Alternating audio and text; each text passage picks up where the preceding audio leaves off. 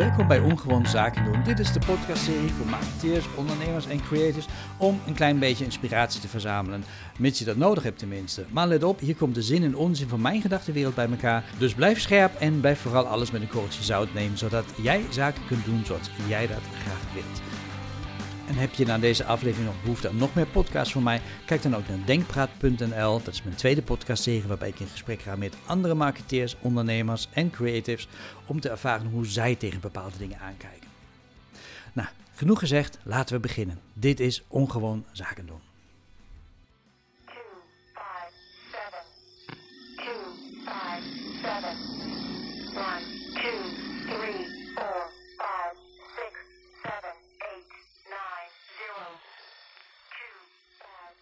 Als kunstmatige intelligentie, AI, systeem heeft ChatGPT geen emoties of zorgen zoals een mens dat zou hebben. Echter, de ontwikkeling en het gebruik van ChatGPT en andere soortgelijke AI-systemen roepen we enkele implicaties en zorgen op. Hieronder staan enkele van de belangrijkste. Minder menselijke interactie. Het gebruik van ChatGPT in plaats van menselijke interactie kan leiden tot een afname van menselijke verbinding en communicatie. Dit kan leiden tot sociaal isolement en het verlies van menselijke authenticiteit in de interacties. Nou, het gaat, gaat, gaat nog maar door. Ik, ik ging het toch maar even lezen. En eerlijk gezegd, ik ging dit gewoon intypen in ChatGPT zelf. Om te kijken. Mijn vraag was: welke implicaties en zorgen verwacht ChatGPT over het gebruik van ChatGPT? Er komt inderdaad een lijst uit met eh, zes punten.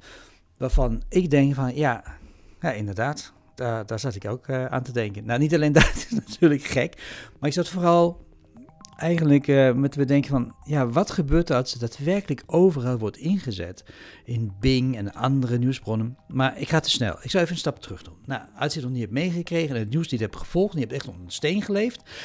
Er is inderdaad een revolutie gaande op het gebied van de AI. ChatGPT is een van de uitvloeiselen daarvan, gemaakt door OpenAI dat ondertussen gesponsord wordt door Microsoft en ook uh, in het begin mee ontwikkeld is door Elon Musk. En ChatGPT wordt nu ook uh, gekoppeld aan zoeksystemen zoals in het Bing van Microsoft. Maar het zal ook terugkomen in andere functies die door Microsoft in het leven zijn geroepen. Zoals misschien wel Words, PowerPoint, Outlook of, of hele andere toepassingen. Daarentegen is er ook een tegenhanger, zo gaat het alweer, want het is een, toch wel een beetje een battle gaande tussen Google en Microsoft op dit moment, want Google heeft Bard geïntroduceerd. Bard is nog niet zo ver als ChatGPT, nog niet helemaal live, het wordt nu getest in een selecte groep. En Bard is ook een AI-tool, dus een kunstmatige intelligentie die beschikbaar wordt gesteld in verschillende softwareprogramma's, waardoor wij ineens toegang hebben tot self-learning machines.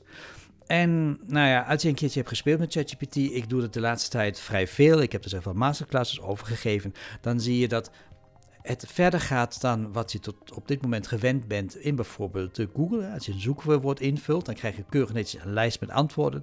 Nee, ChatGPT komt met maatoplossingen. Nagelang je vraag goed is, is ook de maatoplossing steeds beter. Dus niet alleen maar met zoek hier, kijk daar, ga op deze website. Nee, dit kun je stap voor stap doen in jouw situatie of ten aanzien van jouw vraag. Maar het kan nog veel meer. Maar het is maar een heel klein deeltje wat ik nu zeg. Maar ik vroeg me op een gegeven moment af: stel, we gaan het met z'n allen heel veel gaan gebruiken. We gaan met z'n allen echt massaal al ons leven uitstorten in de vorm van toetsen op de computer en vragen stellen aan slimme programma's zoals ChatGPT. Wat gebeurt er dan? Zullen we op een gegeven moment minder behoefte hebben om daadwerkelijk een advies, een raad te vragen aan een vriend, aan een collega of iemand die echt een, een, echte mens. En misschien nog een stap verder, wat gebeurt er als wij daadwerkelijk de content die vaak gegenereerd wordt door kunstmatige intelligentie, dus echte, dan heb ik het echt over posts op social media, over hele teksten die je op LinkedIn terug kan vinden, uh, of, of hele andere toepassingen. Um, als, we, als we dit alleen nog maar zien, in hoeverre zijn we dan niet de mens aan het kwijtraken in het geheel? Want uiteindelijk is marketing, en daar gaat deze podcast natuurlijk een beetje over, toch bedoeld om connectie te maken met de mens. En dan niet via een computer, maar mens tot mens, toch? Dat is in ieder geval mijn vraag die ik heb hierover. En en ik wil nog een klein stapje verder gaan in mijn overweging, want een van de nieuwste tools die ik zelf de laatste tijd heb gezien, die heeft te maken met LinkedIn. in LinkedIn is natuurlijk een fijn middel om met elkaar in contact te treden, connecties te creëren en vanuit die connecties elkaar te helpen om uiteindelijk met elkaar ja, succesvolle zaken te kunnen doen. Of wie weet, uh, elkaar te helpen aan een, aan een toekomstig leuke nieuwe baan. Maar heel veel van dit soort chatfuncties op LinkedIn, die worden nu al ondersteund via geautomatiseerde uh, verhaallijnen. Nou, wat bedoel ik daarmee? Je kan dus nu inderdaad een verhaallijn neerzetten van ga tien nieuwe contacten aan met LinkedIn-personen in mijn tweede lijns netwerk. En probeer deze mensen met deze tekst, of is in jezelf een tekst, te bereiken. En als mensen dan daadwerkelijk reageren, dan kan je daar weer een geautomatiseerd antwoord op loslaten van hey, fijn dat je hebt gereageerd, zullen we een keertje een afspraak maken? En willen die mensen daadwerkelijk een afspraak maken? Eigenlijk pas dan krijg jij misschien wel dat de post daadwerkelijk zelf te zien en word je getriggerd via een pop-up in je mobiele telefoon om contact te leggen met die persoon. Om echt zelf in actie te komen. En alles wat ervoor was, dus ook al die mensen die dat niet wilden, die krijg je niet eens te zien. Misschien wel ergens in je statistieken, maar niet echt van hé, hey, deze persoon wil geen contact meer met jou of zo. Dat is de ene kant. En dat wordt nu ook nog ondersteund met ChatGPT, waardoor je veel slimmere manieren hebt en meer op maat manieren krijgt om met elkaar in verbinding te komen maar die niet door jou geschreven zijn. Alleen maar ja, geschreven en gevoed zijn door een computerprogramma. En ik vroeg, vroeg me af inderdaad van, nou, als je zo'n bericht krijgt, je kan niet meer echt herkennen of het door mensen gemaakt is of niet door mensen gemaakt is. Ja, wat, wat zou je dan ervan vinden als je dan later te horen krijgt van, ja, maar ik heb dit bericht gewoon naar 60 personen generiek gestuurd en het computerprogramma heeft het een beetje op maat gemaakt, nagelang jouw achtergrond op LinkedIn, zodat jij je aangesproken voelt uh, voor, deze, voor dit bericht. En daarom uh, is het zo effectief en heb ik die afspraak gemaakt en ga ik aan jou of met jou samen geld verdienen. Is dat dan erg of is dat niet erg? Voel je belazerd of voel je niet belazerd? Eigenlijk is mijn vraag van hoe ver kan je daarin gaan? Hoe ver wil je ook als bedrijf daarin gaan? En hoe groot is misschien wel de kans dat je hierdoor imagoschade uh, leidt als bedrijf? En misschien is er nog een andere kant aan vast, dat je natuurlijk niet alleen maar vanaf ene kant via slimme technologieën mensen berichten kan sturen en dus proberen te bereiken. Maar je kan dat misschien ook afvangen aan de andere kant. Door ook weer ChatGPT ondersteund uh, software. Waar bijvoorbeeld een programma reageert op berichten die gemaakt zijn door ChatGPT. Door eerst te kijken, is het wel gemaakt door een mens, ja of nee? Nou, als het niet gemaakt is door een mens, dan ja, daar helemaal niet uh, op te reageren. En alleen te reageren op die, mensen, op die berichten die uh, analyseerbaar duidelijk is dat ze gemaakt zijn door mensen. Of krijg je misschien wel nog een stap verder die oorlog uh, tussen die twee computersystemen. Dat eigenlijk twee chatbots met elkaar gaan praten en op een gegeven moment wel of niet met elkaar eens worden of het zinvol is om met elkaar een afspraak te maken. Dus jouw versie van ChatGPT gaat reageren op teksten die door een andere computer zijn gemaakt. En ja, als er maar lang genoeg heen en weer gaat dat spelletje, misschien worden die twee het inderdaad eens en zien zij zinvolle aanknopingspunten, waardoor ze zeggen van, ja, dat is leuk en aardig allemaal, maar het is toch goed dat jullie met elkaar in contact komen, jullie echte mensen. Ja, ik zie eigenlijk een hele gekke wereld ontstaan waarbij allerlei nieuwe communicatiestromingen gaande zijn die niets meer te maken hebben met menselijke interactie.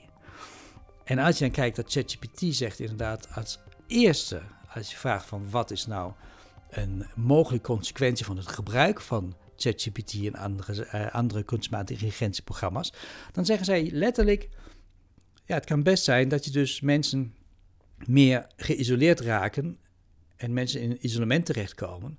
En dat door het verbreken en minder uh, aanwezig zijn van menselijke verbinding en communicatie, ja, allerlei sociale implicaties kunnen voortkomen die niet bedoeld zijn door programma's zoals ChatGPT.